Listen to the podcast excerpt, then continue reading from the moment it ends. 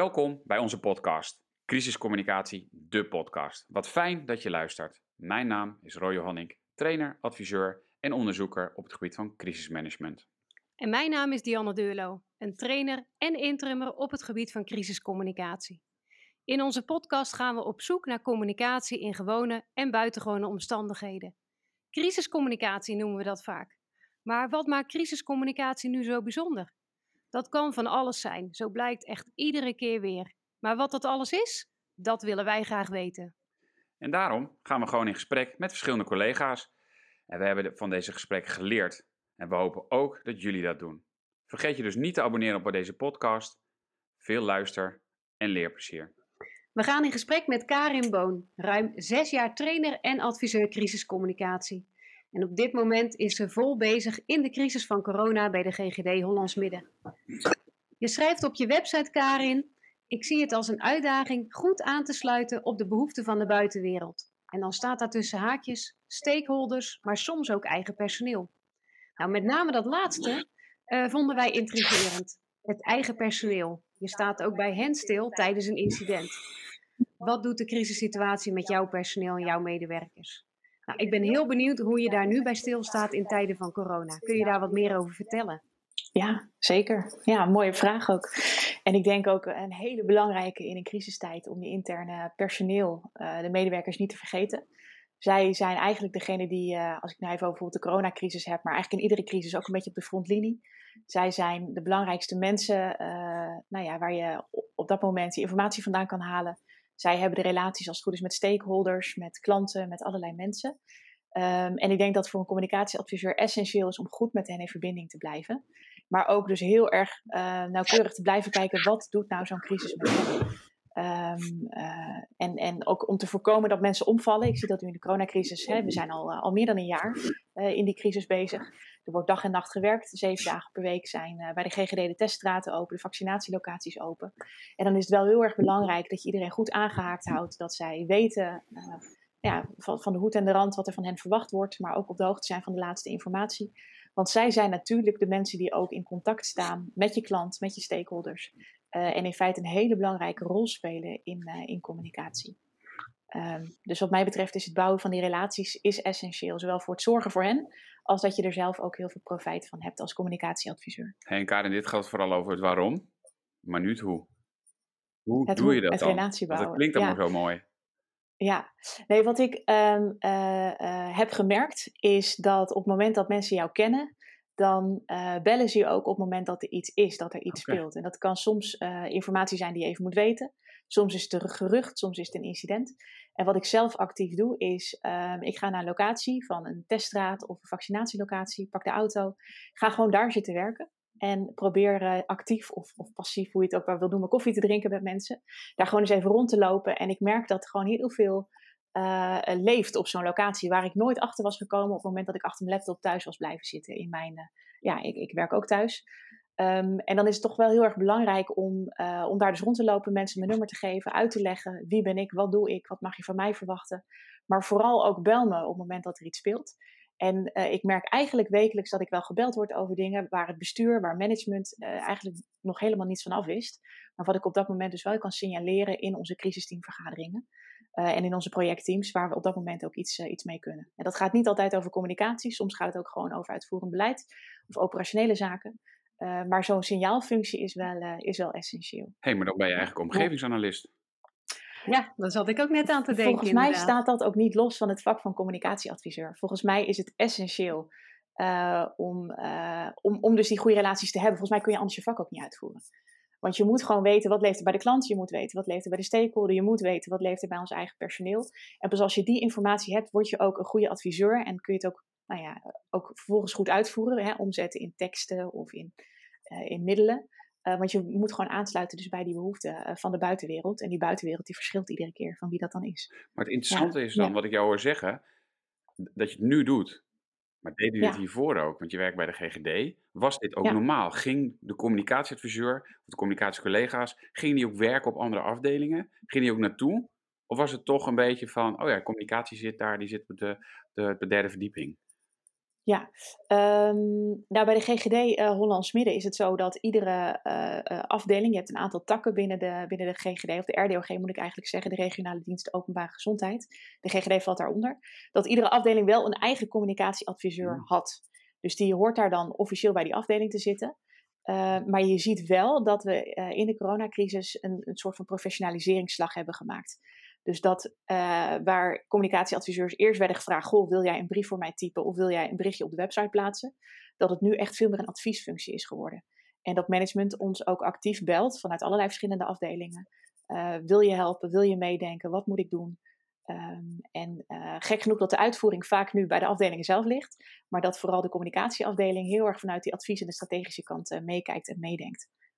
Wat leuk, dus eigenlijk ben je van producent qua communicatie naar advies gegaan en zijn ze zelf de producten gaan maken? Hè? Ja, grotendeels wel. Ja, we hebben natuurlijk nog wel mensen die ook producten maken bij communicatie. Daar kom je nooit helemaal aan. Maar het is wel een, een stuk verschuiving geweest. Ja, zeker. Kan je voorbeelden noemen? Um, nou ja, bijvoorbeeld uh, uh, uh, de scholenafdeling, JGZ, dat is de jeugdgezondheidszorg. Um, daar werden, werden wij dan vroeger als afdeling heb ik het dan over, heel erg gevraagd om brieven te schrijven uh, die naar scholen moesten. Tegenwoordig zeggen we, adviseren bijvoorbeeld meer over een tone of voice en uh, zijn de jeugdverpleegkundigen zelf de persoon die de brieven schrijven. Uh, en de jeugdverpleegkundigen zelf nu heel actief op scholen aanwezig, net als dat wij dat als communicatieadviseurs doen, om eens even te horen bij de school, hoe is het nou? En dus niet alleen maar even te bellen, maar ook gewoon daar fysiek dus rond te lopen. En zij zijn nu de ambassadeurs vanuit de GGD en wij moeten hen dus ook steeds voeden met allerlei informatie. Dat doen we ook vanuit de informatiecoördinatoren die we hebben. Um, van hey, wat kunnen jullie nou delen met die scholen? Zodat er gewoon voor die school ook één aanspreekpunt is, de GGD. Um, ehm, en dat, dat werkt gewoon uh, onwijs goed. Dus zij hebben zelf ook een veel operationelere rol gekregen in de communicatie. Uh, om, om dus echt actief op pad te gaan. En dan ga je de brieven Ja, wat goed om te horen. Ja, ja, nou goed om te horen. Ja. Ik vind het een mooie, uh, een mooie kanteling eigenlijk van, van ja, bijna van het vak. En ik hoor je ook nu weer zeggen en daarop terugkomen. Wij zijn daar dus fysiek aanwezig. Hè? En daar begon je ook mee. En dat is, daar lijkt bijna een soort van sleutel wel te liggen. Ja. Uh, uh, inderdaad, blijf niet achter je bureau zitten, maar ga ook ja, daar waar, uh, waar de mensen zijn, zeg maar. Ja, ja. absoluut. Ja, zeker. Ja. ja. en ik denk, eh, tenminste hoe ik het zelf naar het vak communicatie kijk, maar je hebt natuurlijk ook verschillende rollen binnen, binnen het vak, is dat uh, communicatie een sleutelspeler is in de C-suite, of de bestuurskamer. Uh, dus de, de C-suite noemen ze de CEO, de CFO, um, En dan heb je een veel grotere en essentiëlere rol dan heel veel communicatieafdelingen nu hebben. Heel vaak wordt een communicatieafdeling nu gebruikt als, nou ja, schrijf een persberichtje, schrijf een brief, organiseer een event. En dat is allemaal ook heel belangrijk werk. Maar uh, als je echt aan de voorkant wil komen, wil je eigenlijk al voordat beleid gemaakt wordt, wil je al mee kunnen adviseren over implicaties, wat mij betreft. Um, en dat kun je alleen doen op het moment dat een bestuur jou vertrouwt. En dat betekent dus dat je actief ook moet weten wat zijn hun belangen Um, hoe werken die afdelingen? Uh, nou, je moet ook iets weten van bedrijfskunde in het algemeen, hoe financiële stromen lopen. Maar dat kun je alleen maar weten op het moment dat je ook af en toe op die afdeling zit. Op het moment dat je ook met die mensen in gesprek raakt van waar zijn jullie nou mee bezig? Wat zijn jullie targets? Um, uh, wat is jullie hart achter, uh, achter de afdeling wat jullie aan het doen zijn? Um, en dan op het moment dat je dat weet en dat vertrouwen hebt en mensen bellen je daar op, op een gegeven moment ook over, want dat kost natuurlijk tijd hè, om dat op te bouwen. Maar dan kun je ook echt stevig adviseren. Um, en dan weten mensen je te vinden. Kun je ook monitoren, hoe gaat het? Uh, maar het kost dus wel tijd en je moet dus wel bereid zijn om daarin te investeren. Ja, want het klinkt allemaal ja. mooi. Maar hoe kom je dan überhaupt aan tafel bij het bestuur? Want dat is, of was dat gewoon automatisch en vanzelfsprekend? Nou, in de coronacrisis heb je een voordeel dat een communicatieadviseur een standaard plek heeft in een crisisteam. Ah. Uh, dat crisisteam was heel weinig ervaring mee. Dat hebben we ook uh, nou ja, moeten ondervinden. Op een gegeven moment hadden we crisisteam nummer 100. Nou, en als je steeds een hele goede inbreng hebt als communicatieadviseur, dan ga je op een gegeven moment word je ook buiten de vergaderingen gevonden. Mm. Hè? Dan word je gebeld voordat de vergadering begint. Wat vind jij hiervan? Of heb je informatie voor me? Uh, die omgevingsanalyse die je steeds maakt. wat is jouw mening daarover? Kun je me al helpen? Ik heb zo meteen een interview met de pers. Waar moet ik op letten? Hè, dus op het moment dat je steeds met goede informatie komt, dan word je ook een betrouwbare partner. Uh, en soms moet je dat dus ook zelf proactief maar gewoon gaan doen. Van, goh, was je hier al op de hoogte? Of mag ik je ongevraagd adviseren hier of hierover? Um, en soms is, ja, schiet dat bij iemand in het verkeerde keelgat, hè, moet je ook voorzichtig mee zijn. Maar op het moment dat je je waarde steeds aan kan tonen, dan merk je dus dat je ook als afdeling steeds beter gevonden wordt door allerlei, uh, allerlei mensen en partijen. Mag je daar een voorbeeld van noemen waar dat in het verkeerde keelgat schoot? Waar je zegt van zonder namen te noemen? Ja, ik wou zeggen, ik ben geen uh, nou ja, het kan wel eens als een bedreiging zijn. En dat als er bijvoorbeeld een manager is die denkt van nou, ik heb al heel vaak met de pers gesproken. En eigenlijk, als ik dat analyseer, vind ik het gewoon geen goed media optreden. En vind ik het gewoon onhandig iemand het aanpakt. Uh, en daar, daar adviseer je dan over van, goh, let hier of hier eens op. En dan is het, ja, hallo, ik doe dit al twintig jaar, wie ben jij, bij wijze van. Hè? Mm -hmm. um, en achteraf denk je, nou ja, omdat je dan ook weer uh, ervaring en, en, en relatie met elkaar opbouwt, nu gaat dat wel goed. Uh, gelukkig maar. Maar in het begin komt dat best wel bedreigend over. Van, hé, hey, je had een communicatieafdeling die zich nooit... Nou, dat is niet helemaal waar, want die bemoeide zich prima met dingen. Maar die nu opeens een veel proactievere rol speelt. Mm -hmm. Nou, dat, is wel een, dat kan wel eens een bedreiging zijn. Ja, nou, we hadden jou eigenlijk als, als volgende vraag de vraag willen stellen: hoe kun je nou ook voorbereiden op uh, communicatie in buitengewone omstandigheden? Hè? Want dat, daar zitten we nu ook weer middenin. Ja. Maar um, ja, als we goed luisteren, dan heb je eigenlijk deze vraag. Je hebt al heel veel dingen gezegd die je kan doen in de voorbereiding op ja. eigenlijk crisiscommunicatie. En ik, ja. heb, ik heb jou horen zeggen: werken aan dat vertrouwen. Je moet het vertrouwen krijgen intern. Ja. Daar kun je in ja, vredestijd, noemen we het dan maar, kun je daar natuurlijk al aan werken als communicatieadviseur. Ja, zeker. je moet weten hoe de bedrijfsprocessen lopen, zei je. Uh, uh, je moet iets weten van, van, van, van de financiële stromen. Nou, dat zijn volgens mij allemaal dingen die je in de voorbereiding als communicatieadviseur zou kunnen doen om je uiteindelijk voor te bereiden op die, uh, ja, op die crisissituatie. Ja, zeker. Ja. Heeft dan mooie tips. Ja. ja. Er zijn er nog wel meer wat mij betreft hoor. Want Um, um, bijvoorbeeld het oefenen, wat we ook vaak doen hè, met een crisisteam. Um, kijk, volgens mij hoef je niet zozeer te trainen. Volgens mij heeft Roy dat zelf ook al wel eerder gezegd. Hè? Een, een adviseur, hoef je niet te trainen op het adviseren. Als het goed is, moet dat in je zitten. Maar naarmate je dus met cases oefent of met specifieke incidenten, uh, besef je wel, ook als team, wij zijn hierop voorbereid. En dat geeft minder stress op het moment dat je echt in de crisis komt. Dus het oefenen vind ik wel heel waardevol. Uh, vooral omdat je zelf het gevoel, het, het, ja, stukje zelfvertrouwen krijgt en, en dus minder stress uh, ervaart. Um, en een ander uh, belangrijk aspect vind ik ook wel dat je je ICT-systemen goed kent. Mm. Um, ik denk dat we allemaal wel ervaring hebben met tools waarmee je een omgevingsanalyse maakt. Maar op het moment dat je dat voor het eerst doet tijdens een crisis, nou, dan ben je drie uur aan het stoeien en dan haal je er nog niet uit wat je eruit wil halen. terwijl op het moment dat je dat dagelijks gebruikt of al aan de voorkant flink mee, mee oefent en dat inricht, ja, dat, dat levert je zo ongelooflijk veel op. Um, ik heb bijvoorbeeld nu ook bij de GGD hebben we nu een, uh, een, een, een uh, business intelligence dashboard met het callcenter gemaakt. Uh, ik kan real-time als communicatieadviseur meekijken welke vragen er binnenkomen bij het callcenter. En ik weet iedere dag, dit zijn de 25 meest gestelde vragen. Nou, ik kan hem gelijk omklappen naar een webtekst, Q&A. Ik kan dat adviseren van, goh, dit speelt nu, dit is nu het sentiment. Hè. Het is maar één van de informatiebronnen. Maar als er nu een nieuwe crisis zou komen met een incident op een teststraat of waar dan ook, ik kan gelijk meekijken, wat komt er wel of niet binnen. Dus ook die ICT-systemen, die informatiestromen, om die nu al in te richten. Om gewoon eens even slim na te denken, wat moeten we nou eigenlijk allemaal weten? Willen we er echt bovenop zitten? Um, ja, dat kun je gewoon nu allemaal al inrichten.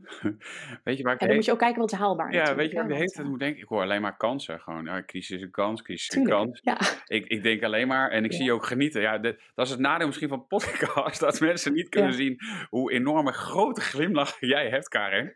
Maar... Um, maar, maar die kans, want da, maar daarmee, ik, ik had opgeschreven hiernaast mijn crisis als kans. Uh, voor dat vertrouwen, maar ook zo'n business intelligence. Is, is, dat nu? Of was dat al, was dat al in het hoofd? Of hoe, hoe gaat nee, dat dan? Nee, dat is nu. Dat is allemaal nu ontwikkeld. Want je merkt dat je informatie... Kijk, in een crisis heb je altijd gebrek aan informatie. Mm -hmm. Crisis is per definitie complex. Um, en je merkt dus, al pratend met elkaar, en ik moet zeggen, er gaan heel veel crisisvergaderingen overheen hoor. Mm -hmm. Maar dan merk je, van we, we missen gewoon een aantal puzzelstukjes. Mm -hmm. En kunnen we dat nou ondervangen? En uh, soms is het antwoord nee. Maar op een heel aantal uh, vragen is het antwoord ook ja, dat kunnen we. Uh, nou, en dan ga je kijken naar de afdeling met hele technische, slimme mensen. Die uh, heel goed mooie dashboards kunnen bouwen. Die dat ook regulier al in hun werk doen. En die gaan we dus nu inzetten voor de crisis. Hetzelfde geldt voor de, voor de EPI's. Dat zijn de mensen die alle cijfers bij ons uh, bijhouden. Epi. Epidemioloog ja, is dat, uh, de volle naam. um, zij weten precies hoeveel besmettingen, in welk ziekenhuis, uit welke gemeente, waar, hoeveel mensen getest, welke leeftijdscategorieën. Ook dat dashboard hebben we gewoon onwijs uitgebreid. En is nu ook een openbaar dashboard. Kunnen mensen ook op meekijken. Nou, en burgemeesters vinden dat fantastisch. Want iedere raadsvraag kunnen ze beantwoorden aan de hand van het dashboard. Uh, raadsleden kunnen het zelf ook al zien. Want dat zijn natuurlijk ook hele... Onze opdrachtgevers zijn dat de gemeente voor de, voor de GGD. Um, ja, dat helpt onwijs. En zij zijn ook gewoon aan het smullen van kunnen we nou nog meer data met elkaar combineren om maar vooruit te gaan lopen op die crisis. Omdat we dan nu al weten wat er over twee weken gaat spelen. Ja. Uh, nou, dat is gewoon fantastisch. En als je dus, nou, ik, heb, ik heb iedere dag krijg ik ook weer een uitdraai van die EPI's. want die houden mij nu ook nauw aangehaakt, heb ik zelf om gevraagd. en je ziet dus dat die relatie daar nu ligt en dat ik daardoor ook weer weet van hé, hey, wat is eigenlijk het nieuws voor volgende week? Ik kan dat nu al bijna voorspellen. En dat is wel fijn. En tuurlijk kan er iets tussendoor komen waardoor het opeens helemaal anders wordt. Maar het helpt wel ontzettend om voorbereid te zijn en niet te over, overvallen te worden. Heb je daar een voorbeeld van? Van zo'n zoiets waar je denkt, oké, dan ga ik me nu op voorbereiden, want dit gaat er echt aankomen. Nou, bepaalde gemeentes die opeens in de lift schieten. Dat ik dan nu, nu al communicatieadviseurs bel van, hé, hey, let op, jullie zijn echt uh, onevenredig hoog. Uh, wij zien dat dat in deze en deze groepen te maken heeft, hè, met bepaalde leeftijden of bepaalde wijken. Uh, wat doen jullie daar nu al? Wat kunnen we dus nu ook al inzetten om te voorkomen dat dat verder uitbreidt? Um, we gaan binnenkort hebben we bijvoorbeeld, uh, deze week is dat een uh, webinar met uh, bedrijven uit de Bollenstreek. Want we zien bijvoorbeeld dat bij arbeidsmigranten in de Bollenstreek heel veel besmettingen zitten. Mm -hmm. Nou, daar kun je een heel specifiek middel inzetten waar bedrijven mee geholpen zijn, maar waar wij dus ook het gevoel hebben van hé, hey, daar kunnen wij iets mee. Om maar te voorkomen dat dat verder uitbreidt bijvoorbeeld. Hoe wordt dat ontvangen? Schrikken ze dat ze denken, hoe, hoe kom je aan die info? Of, of zeggen ze van, wow, hoe, hoe, hoe gaat zo'n eerste gesprek? Je belt, hoi, met Karin. Ja, nou, inmiddels zijn ze eraan gewend, maar in het begin was het heel spannend. Want niemand wil natuurlijk dat zij bij de gemeente horen met het hoogste aantal besmettingen. Want dat voelt van wij hebben gefaald. En dat is niet zo, want je kan er niks aan doen als burgemeester of als bestuurder, dat er in jouw gemeente besmettingen zijn. Maar er hangt toch, überhaupt om hele infectieziektebestrijding, hangt dus toch nog steeds een schaamtecultuur. Ook als je besmet bent en je moet tegen je vrienden vertellen van nou ja, ik heb corona, dat is niet leuk. Uh, en dat zien we dus ook, uh, dat zien we ook terug. Uh, dus dat is spannend. En tegelijkertijd zijn ze heel erg op zoek, wat kunnen we dan doen?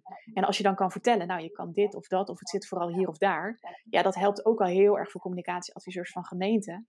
Om een hele specifieke aanpak te kiezen. Van oké, okay, dan gaan we het hier of hier mee proberen. En dan analyseer je weer. En soms werkt dat ook niet. En dan moet je weer iets nieuws bedenken. en dat is wel een, ja, iedere keer een uitdaging. En dat vind ik dan zelf de leuke puzzel. Om proberen voor die crisis te komen wat gaat werken. En we hebben dan nu in, uh, met de veiligheidsregio Hollands Midden een netwerkstrategie gekozen. Want um, wij staan niet misschien per se als gemeente of GGD met iedereen in contact. Maar wij kennen wel mensen die met moeilijk bereikbare doelgroepen in contact staan. Hoe kunnen we die weer als ambassadeurs inzetten? En dat betekent dat je ook in die relaties moet investeren. En dat doen wij nu bijvoorbeeld op het gebied van taalpacts. Uh, er zijn in iedere gemeente zijn er uh, bij bibliotheken taalmaatjesprojecten um, en, en Nederlandse les bijvoorbeeld nou ja, die kunnen heel goed um, immigranten bijvoorbeeld of anderstaligen heel goed bereiken, of laaggeletterden. Nou, daar hebben we nu al allerlei voorbereidingssessies mee. Op het moment dat zij aan de beurt zijn voor vaccinatie, dat we ze dan ook uh, actief kunnen gaan inzetten. En we hebben, zijn nu al middelen aan het ontwikkelen die we dan kunnen gaan verspreiden. Um, dus ook daar gaat het weer om relatie bouwen en slim nadenken en scenario denken. Wat komt er straks op ons af en wat, wat zien wij nu wat misgaat? Ja, nou, ik hoor alleen maar uh, een, een, een hele doordachte, gedegen aanpak. Uh, en, en op zoek naar dat puzzelstukje eigenlijk. Dus ik ben, ja, ik ben eigenlijk gewoon onder de indruk van wat ik, wat ik nu hoor en hoe het uh, wordt aangepakt. En ik vind ja. het heel mooi om van jou nu even dat kijkje achter de schermen te krijgen. Want uh, ja, ook al weet ik er best wel wat van volgens mij, dat het zo, zo ver gaat. Hè? Dat jullie zo ver gaan al. En, en inderdaad heel bewust voor zo'n netwerkstrategie kiezen. Daar, daar sta ik echt ja. ja om te kijken in positieve zin. Ja, ja. ja. en toch hadden we het al best, als je echt fulltime met zo'n crisis bezig bent, dat is dan het voordeel. Ik zit echt alleen maar op die crisis. Uh, dan heb je dus ook tijd om dit soort dingen te gaan bouwen samen met je collega's. Hè? Want de andere mensen pakken het andere reguliere werk op. En dat is wel heel belangrijk. Ik denk dat de coronacrisis daar ook uniek in is. Uh, en tegelijkertijd vind ik het ook weer niet heel anders dan hoe het anders zou moeten gaan. Want gemeenten waren altijd al onze opdrachtgevers. En lage letterden, er zijn er 2,2 miljoen van in Nederland. Dat zou altijd al de focus moeten zijn van communicatieadviseurs. Um, ja. En al onze teksten, wij hebben ook zo'n taaltool. Al onze teksten op, op nou ja, bijvoorbeeld B1-niveau, misschien zegt een aantal dat, hè, leesniveaus. Iedereen in onze organisatie, is ook tijdens de coronacrisis gebeurd trouwens, heeft nu in Word standaard die tool aanstaan. Hè, dus er mag geen brief meer uitgaan, wat ons betreft, die niet voldoet aan het uh, kunnen uh, uh, verbinden met laaggeletterden bijvoorbeeld. en er is nu heel veel draagvlak voor, want iedereen ziet, oh, we zitten midden in een crisis en we moeten fantastisch communiceren, want kijk eens wat er ook allemaal nou, negativiteit op ons afkomt. Hè, dus iedere keer weer een eye-opener. dus er is nu ook juist heel veel draagvlak en ook eigenlijk geld beschikbaar om dit soort dingen nu mooi te implementeren.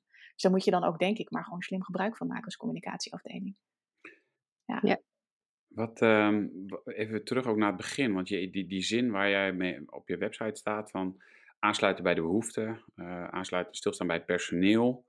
Um, hoe doen jullie dat? Hoe, hoe zorg je, hè, want we hebben het vooral gehad over verbinding, maar eigenlijk om beter te communiceren.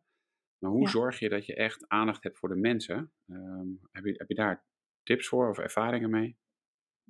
Nou, een van de dingen die wij hebben ingezet, of waar we heel erg op focussen, is leiderschapscommunicatie. Eh, naast de middelen van intranet en, eh, en alle standaardmiddelen die er zijn. Omdat je eh, uiteindelijk ook weer door middel van die persoonlijke relaties ga je pas het echte gesprek krijgen. Dus we nemen managers ook in de organisatie heel actief mee in hoe leg je nou die verbinding met jouw afdeling. Ehm, hoe zorg je dat je met elkaar in contact staat. En probeer je dus ook de signalen terug te krijgen van hey, welke vragen leven er, welke signalen krijgen jullie terug. Uh, maar als er bijvoorbeeld een groot incident is, ik had een tijdje geleden, was er een, een bommelding bij een van onze locaties. Uiteindelijk was het niet echt, dus daar was ik heel blij mee. Maar dan is het wel gelijk alle managers informeren, die dus zelf weer met hun teams communiceren. Uh, naast het intranetbericht, naast even een mail vanuit de directie. Maar dan krijg je hem dus op meerdere manieren krijg je hem binnen en weet het personeel ook, dit is mijn aanspreekpunt. En met hem of haar kan ik mijn vragen stellen en je krijgt ook altijd snel antwoord. Daarnaast merk ik ook dat medewerkers uit de hele organisatie ook gewoon een mail durven sturen naar communicatie. We hebben een algemeen mailadres. Uh, met soms kritiek, soms feedback, uh, maar soms ook complimenten, soms vragen. En dat we, uh, iedereen heeft daar dan een keertje dienst op in de week, maar dat je dus ook binnen een uur een reactie terugstuurt. Hm. indien dat nou ja, mogelijk is, zeg maar praktisch gezien. En dat helpt ook heel erg, dat mensen dus ook vragen durven stellen. Um, en ik denk dat we um, um, nu heel erg ook, en dat merk ik vooral bij de corona-afdeling, elkaar ook heel goed in de gaten moeten houden. S ochtends bij de dagstart, om half acht is dat iedere ochtend, uh, ook die emo-check moeten doen. Hè, hoe sta je erin? Uh, red je het nog? Um, hoe kwam het artikel van het AD bij je binnen? Hoe kwam het artikel van de Telegraaf bij je binnen? Hoe kwam het kritische bericht gisteren bij op één bij je binnen? Uh, dat zijn ook wel dingen waarover gesproken wordt. En dat vinden we ook wel belangrijk om te blijven doen. Ja, want doe, doe je dat met de hele organisatie, die emo-check? Alleen met Uh, iedereen, iedereen doet het. We hebben, niet, we hebben één keer in de maand echt een hele grote corona-meeting. Daar zitten drie, 400 man uh, in. Mhm. Maar meestal uh, heb je uh, kleinere dagstarts of dagbriefings, afhankelijk van de locatie waar je op dat moment bent. Uh, en daar zit die emo-check uh, ook wel in. Ja, klopt. En, en kan je daar voorbeelden uit noemen, zonder ook namen te noemen? Van wat gebeurt Is er wel... Ik heb namelijk, dat zei in het voorgesprek, en dat weet je ook, ik heb ook bij diverse GGD'en in deze periode mogen werken. Um, ja, en ik heb echt veel huilende mensen gezien. Ik, ik, ik, tot, ja. tot corona had ik nog nooit of één, twee keer iemand zien huilen op het werk. Maar de, in, in deze periode ja. heb ik echt... Uh, Jan en ik hebben het ook meegemaakt. We hebben ook mensen naar huis gestuurd, uh, zeg maar, om het zo ja. letterlijk te zeggen. Hoe? Ja, moet je ook doen. Ja. Je zegt moet je ook doen, maar dat zijn hele zware stappen. Zo voelt het dan althans voor Zeker. mij. Ja, ja. Ja, nou ja, um, uh, wat ik, ik, ik heb het meest respect, denk ik, nou, voor iedereen, maar ook bijvoorbeeld vooral voor het callcenter. Mm -hmm. Dat is echt het afvoerputje van de maatschappij momenteel, van de GGD. Die worden echt uh, voor van alles nog wat uitgemaakt. Uh, daar is ook gewoon de afspraak, zelfs al is er een wachtrij en jij hebt een emotioneel gesprek gehad, ga gewoon even een rondje lopen. Huh. Um, en als het niet gaat, geef je het aan en ga je naar huis en dan word je ook weer gebeld. Hoe is het nu met je? Hè, dus dat is ook een hele belangrijke voor, voor de supervisors van het callcenter. Um, we, we, trainen ook al ons personeel op alle locaties uh, met agressietrainingen. Nou, ik vind het belachelijk dat nodig is. Uh, maar het helpt wel weer om mensen te, te, laten weten van welke tools heb je, hoe ga je in een gesprek aan, hoe, uh, wanneer schakel je beveiliging in. dat helpt wel heel erg voor mensen ook om het, om te weten. De, de organisatie staat achter mij. Um, en ik ben veilig bij de organisatie. En dat is wel een hele belangrijke. We hebben ook een keertje voorbeeld gehad van, het ging over iets heel anders. Veilig thuis valt ook onder de organisatie van de RDOG Hollands Midden daar werd iemand uh, op al zijn social media bedreigd. Mm. Nou, dan ben ik wel, nog twee weken later, pleeg ik nog een keer een telefoontje. Hoe is het nu met je? Um, uh, hoe heb je het ervaren? Hoe heeft je familie gereageerd? Uh, heb je nog iets nodig? Nou, dat is op zich allemaal goed afgelopen. Maar het had zomaar kunnen zijn dat iemand daar wel heel erg last van heeft. En dan moet je toch naar een bedrijfsmaatschappelijk werker of een, nou ja, een, een Arbo-dienst inschakelen. Waar we ook goede, helaas goede contacten mee hebben. Um, dus je ziet wel dat dat zorgen voor mensen, dat is natuurlijk uh, het allerbelangrijkste. En iedereen moet daar scherp op zijn. En daarom stelt iedereen elkaar ook steeds de vraag, hoe is het met je? Dat doen we binnen ons communicatieteam, dat doen we bij het callcenter. Dat doen de artsen, dat, hè, dat, gebeurt, uh, dat gebeurt eigenlijk overal. En, en is dit ook nieuw? Hè? Want veel dingen zeg je, uh, nou, crisis als kans is misschien maar bijna het hoofdthema al. Maar ook deze ja. emo-check, is dat nieuw of deden jullie dat al? Um, in principe is het nieuw, al moet ik wel zeggen dat de GGD een hele zorgzame organisatie is. Het zijn allemaal mensen met hart voor de zorg. En die zijn van nature al heel erg, hoe is het met je? Hoe gaat het? Hoe was je weekend? Hoe zit je erin? Oh, hè? Dus dat was van nature al. Uh, we hebben het nu wel meer gestandaardiseerd. En ik denk ook dat iedereen de noodzaak ziet. Um, twee weken geleden was op zaterdag een heel kritisch AD-artikel kwam, kwam uit. Ik wist dat uh, die woensdag. we hebben vrijdag heel veel interne communicatie erover gedaan. We hebben het in alle dagstarts al onze reactie meegegeven. Uitgelegd wat is er aan de hand. En toen zei iedereen, goh wat fijn dat jullie dit nu al aan ons vertellen.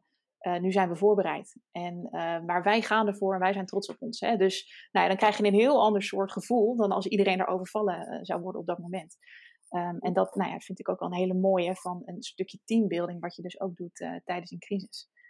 Ja, maar ehm. dat kan dus eigenlijk, dat kun je dus ook weer alleen doen als je, um, nou jij als communicatieadviseur die voelspriet ook aan hebt en ook weet en de contacten hebt met bijvoorbeeld dan een AD en dat je weet dat artikel komt eraan. Ja. En wij gaan ons daar al intern op voorbereiden. Hè? Dus die, ja. ja. dan komen we ook weer, denk ik weer terug bij het begin, die, die, die voelsprieten en goed weten wat er leeft en speelt. Ja. Uh, jij zei zelf, dat is bijna de essentie, maar dat, ja, dat is het denk ik, hè? dat uh, dat, dat zo ontzettend belangrijk is. Zeker. En dat heeft heel veel te maken met persoonlijke competenties. Um, en iets wat van nature in je zit. En tegelijkertijd geloof ik wel dat je het kan leren. Als ik kijk naar het hotelwezen. Aan de ene kant gaan mensen misschien alleen maar naar de hotelschool op het moment dat ze al gevoel hebben voor gastvrijheid. Maar we hebben bijvoorbeeld een aantal mensen van Transavia, KLM, uh, eh, nou, een aantal mensen uit hotelwezen staan nu al op onze vaccinatielocaties. Het is bijna een feestje om er naartoe te gaan. Hè? Je wordt zo fantastisch ontvangen daar. ik, sta iedere keer weer verbaasd.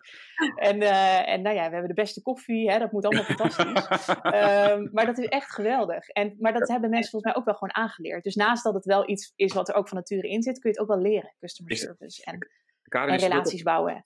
En ook op de testlocatie heb je dat, is hetzelfde feestje. Want wij horen in het voorsprek dat jij gewoon nog niet getest bent. Ik ben nog niet getest. ja, ja, ik heb nog geen klachten gehad. Dus dat is wel uh, fantastisch. En ook nog niet dus bij een BCO in, in aanraking gekomen. Ja. Ik heb heel trouw mijn coronamelder altijd aan. Ja. Maar uh, nee, tot nog toe niet ja, gekomen. Nee. Ja. Nou ja, dan weten we vandaag tijdens de opname weten we dat, uh, dat er 48 uur geen meldingen door worden gegeven. Want Hugo de Jonge heeft het stopgezet. Ja. Dus dat is gisteravond gebeurd. Ik volgende week alsnog. Ja. Ja. ja. Maar nee, ja, nee, ja, misschien moet ik het ook gewoon, ik, ik zei het net al, hè, voor, uh, gekscherend in het voorgesprek, van misschien moet ik me gewoon laten testen, gewoon wat je als communicatieadviseur moet weten waar, je, waar mensen doorheen gaan. nou ja, je eh, zegt dit, maar ik heb letterlijk dat wel gedaan. Ik heb, um, ja. Um, nou ja, wij, wij, Dianne en ik hebben allebei kinderen, uh, dus ja, dan zitten we er misschien wat sneller aan, dus we zijn allebei al een paar keer getest. Ja. Um, maar, maar ik heb inderdaad ook een keer echt een heel leuk gesprek gehad met een, BC, een, een, iemand van broncontact en uh, opsporing. Um, Inderdaad, over wat het deed bij ons op school. En uh, hij was heel blij met dat gesprek van mij. Want een aantal ouders wilden. Ja, die zeiden van ja, we gaan toch niet de gegevens aan jullie geven? Hoezo, hoezo hebben die al die gegevens nodig? Ja. Nou ja, toen heb ik een beetje uitgelegd van ja, misschien moet jullie communicatie, uh, in dit geval GGD uh, Utrecht, dus ook iets anders zijn. Want je moet dus die ouders uitleggen waarom ze de gegevens af moeten geven. Die ouders hebben zoiets hoezo gaan we BSM, uh, uh, BSM-nummer niet geven? Echt niet. Ja, ja precies. Heb je ook die situaties meegemaakt? Want dat je zelf, door het te ervaren, want daar begon je mee. Je gaat naar de locatie toe, je hoort, je voelt, uh, je ziet het. Heb je meer van dat soort dingen? Je denkt, dat had ik nooit kunnen weten, door het zelf te ervaren. Um, ja, uh, ik, ik, denk het wel. De, de testlocatie is zo'n voorbeeld. Dat is best wel spannend waar mensen, waar mensen terechtkomen. En uh, wij hebben één testlocatie die is gewoon echt, echt vreselijk ongezellig. Dat is echt bijna een soort horrorgang waar je doorheen moet. Uh, en het advies van ons was: zet er een paar planten neer. En er kwamen op een gegeven moment heel veel kinderen aan. Nou, die waren al huilen überhaupt bij het aanblik van het gebouw. van. het was zo erg. En er zijn nu allemaal leuke Winnie de Pooh tekeningen op de muur geschilderd. En het, het scheelt zo ontzettend veel. En het is nog steeds niet leuk. Want geen enkel kind gaat voor salon een teststraat. Maar het feit dat je nu gezinskamers hebt waar je nou echt een beetje je best doet. Uh, alles personeel heeft ook training gekregen. Hoe ga je om met het testen van kinderen? Nou, dat soort dingen, dat moet je gewoon wel ervaren. Daar kom je pas achter op het moment dat het misgaat. Dat mensen echt huilend in je teststraat staan. of boos zijn, of verdwalen. Of denken, nou, ik wil er nooit meer heen. En op social media lees je, nou, ik ben in een horrorfilm beland. Ik denk, oh help, dat moeten we niet hebben. Ja, weet je, ik, of mensen moeten zich wel laten testen. Ik heb allemaal beelden van spookslotten en zo nu in ja, mijn hoofd. Ja, ga ik een keer kijken. Maar dat, uh... wel van, we gaan naar spookslot, man. Ja, nee, het is inmiddels veel beter. GD-medewerker die je laat schrikken. Ah! Nou ja, ja, precies. En ook nog zo'n spannend masker op en zo'n pak aan en zo'n mondkapje. Ja, ja, ja. Vreselijk, eng. ja. Voor kinderen zeker, maar ook voor Is volwassenen. ook, ja. maar je begint gewoon, we hebben de opdracht van de minister, wij moeten een Ja. teststraat en we moeten eh, zoveel duizend mensen per dag testen en hij moet volgende week staan, Mhm. punt. Ja. En vervolgens denk je, oh wacht, er is ook nog iets van klant, eh, klanttevredenheid en eh, klantervaring. En nou, ja, daar ga je daar veel meer eh, op in. En inmiddels gaat het goed. Eh, vaccinatielocaties, de routing hebben we ook al honderd keer omgezet. Maar dat, dat, is, dat helpt wel eh, in, de, in de beleving en de ervaring. Ja. En, en leer je dan ook van de, de collega's die dus nieuw binnen zijn gekomen? Je zijn net Transavia, hotelwezen. ja, En, en leer je daarvan? Zeker, ja, dan? absoluut. Ja, die hebben gewoon hele goede ideeën. Die zeggen van, nou ja, eh, bijvoorbeeld op een vaccinatielocatie hebben we nu een locatiehoofd. Dat heeft jarenlang in een hotelwezen gezeten. Nou, die zegt, de sfeer is hier verschrikkelijk. De looplijnen zijn niet logisch. eh, mensen worden de eerste va- 20 meter niet aangesproken. Ja, dat kan niet. Dus nou, dan ga je eh, met meer host werken. Je gaat de looplijnen omleggen. Eh, eh, je gaat gewoon een heel andere manier van aanspreken eh, met elkaar eh, starten. We hadden ook heel veel jonge medewerkers, die zaten continu op een telefoon. Nou ja, op een gegeven moment maak je de afspraak, telefoon mag niet mee de werkvloer op. op zich vrij logisch. En de Albert Heijn is het standaard, maar wij moesten het dan wel leren. Want daar hadden we gewoon die ervaring nog niet mee. Eh, en op een gegeven moment kom je daarachter. En, eh, en dan ga je, nou ja, bouw je steeds verder aan iets heel moois. In het begin zitten natuurlijk overal kinderziektes in. Dat is altijd als je ergens mee begint. Eh, en je wordt er steeds beter in. En, Ja, ik denk dat dit, dit, dit hele jaar voor, voor heel veel organisaties en mensen, en dat geldt natuurlijk voor onze drietjes zoals we hier in die podcast zitten ook, dat Ja. het een jaar was van leren, waarin we gewoon Ja. ja. soms dingen konden voorzien en op voorhand wisten, oké, dit moeten we op deze manier aanpakken. En soms gewoon simpelweg dingen niet, omdat we het nog nooit hadden meegemaakt en dat we het gaandeweg. En Ja. dat we dan in staat zijn om dingen aan te passen en er dus van leren. Ja, dat, Ja. Is, eh, dat kenmerkt dit jaar wel. En ik hoor jou steeds ook zeggen, hè, als we, we, gaan, we gaan denk ik langzaam naar een afronding van het, van het gesprek. Al zouden we volgens mij nog uren door kunnen praten, heb ik het gevoel. Maar het, het, het gaat om, om je volsprieten aan hebben als communicatieadviseur. Ehm, het gaat om het vertrouwen ehm, eh, hebben van, van je organisatie. Ja. Zowel van je bestuur als van je medewerkers. Hè? Want dan hebben medewerkers ook ehm, het vertrouwen om jouw dingen te vertellen. Of inderdaad te mailen naar de communicatieafdeling, zoals je vertelde. Ja. Ehm, het gaat om data verzamelen, om die, die puzzelstukjes, die ontbrekende puzzelstukjes te verzamelen. En uiteindelijk die puzzel te maken en ehm, te zorgen voor je, voor je mensen, zowel je medewerkers als voor ja, eigenlijk je klanten buiten, als het ware. Zeker. Oh, Ja. Maar Dian, ik wil En- toch nog een vraag stellen. Want echt, ik, het, is, het zit me de hele tijd in mijn hoofd dat ik denk van ja, we leiden mensen op. Hè, dat gaat ook, ehm, daarom zijn we ook deze podcast ooit begonnen. We leiden mensen op in communicatieadviseurs. We leiden mensen op eh, vooral om hun werk goed te kunnen doen. Maar die omstandigheden zijn altijd uniek. Maar ik heb inmiddels door jouw verhaal ook het idee dat volgens mij de opleiding echt wel anders moet. Want jij, jij zegt van ja, we moeten het hebben over hoe win je vertrouwen. Ik weet niet of je dat geleerd hebt in de opleiding. Eh, Ja. Je moet iets van de bedrijfsprocessen weten, dieper. Eh, dus je moet een beetje bedrijfskundige achtergrond bijna hebben. Ehm, weet je? Dus, dus eigenlijk die Ja. vraag van ja, wat zou je misschien nu, als er docenten straks luisteren of studenten naar deze podcast, eh, eigenlijk mee willen geven aan mensen die een bijdrage leveren aan of tijdens de communicatieopleiding? Gewoon dus op de hogeschool of op de, op de universiteit. Wat, wat moeten we daar misschien verbeteren? Ja, nou, in ieder geval dat relatie leren bouwen. Hè. Ik, ik denk onderzoek en economie en dergelijke, dat is allemaal heel goed. En dat gaat ook een beetje over, eh, over hoe kom je nou tot een advies en dergelijke. Maar het relatiebouwen, het customer service deel, vind ik wel een hele belangrijke. En wat ik toch, ehm, eh, communicatie wordt altijd als een hele sociale studie gezien. Ik heb zelf aan de Universiteit Twente gestudeerd. Dat was een hele technische eh, variant van, van communicatie. Of althans, hele valt ook wel mee vergeleken andere studies daar. Maar eh, in ieder geval ook heel erg eh, data gedreven. En ik denk dat eh, kennis van ICT-systemen, business intelligence, dat dat ook onwijs helpt in het vak. Ja. En voor mij zelf ook weer de uitdaging om dus ook bij te blijven met dat soort tools en ontwikkelingen. Ehm, eh, van hé, hey, wat is er? Wat kun je allemaal inzetten? Wat kun je allemaal gebruiken? Ik ben ook heel blij, vooral met vaak, eh, eh, laatst zijn er weer, eh, is er weer een junior bij ons begonnen. Nou, hoe makkelijk en handig die is met ICT en computers. Dan denk ik, nou, ik, ik vind mezelf al heel handig, maar die persoon die is echt, echt fantastisch. maar dat is wel heel fijn. En daarom vind ik ook, het, het, je hebt in, in heel veel afdelingen een senior en een junior. Maar je hebt zo, allebei zoveel capaciteit en talenten waar je slim gebruik van kan maken, dat daar wat mij betreft niet eens een heel groot verschil ook in salaris of iets dergelijks in zou horen zitten. gewoon omdat je allemaal iets toevoegt. Hè? Maar dat is, dat is weer een hele andere discussie. Mooi. Ehm, maar ik denk wel dat dat, dat, dat ICT-verhaal dat dat ook veel meer ehm, eh, gaat spelen. Of zou een grotere rol zou moeten krijgen in opleidingen. Hoewel die opleidingen er ongetwijfeld ook wel zullen zijn hoor. Dus het is maar net denk ik waar je studeert.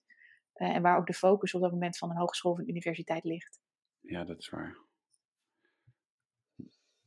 Nou, daar ga ik niks meer aan toevoegen volgens mij. Eh, volgens mij is dit een hele mooie afronding. Eh, eh, crisis als kans en ook kans naar de toekomst om ehm, in, in onderwijs en opleiding en training op een andere manier te gaan kijken.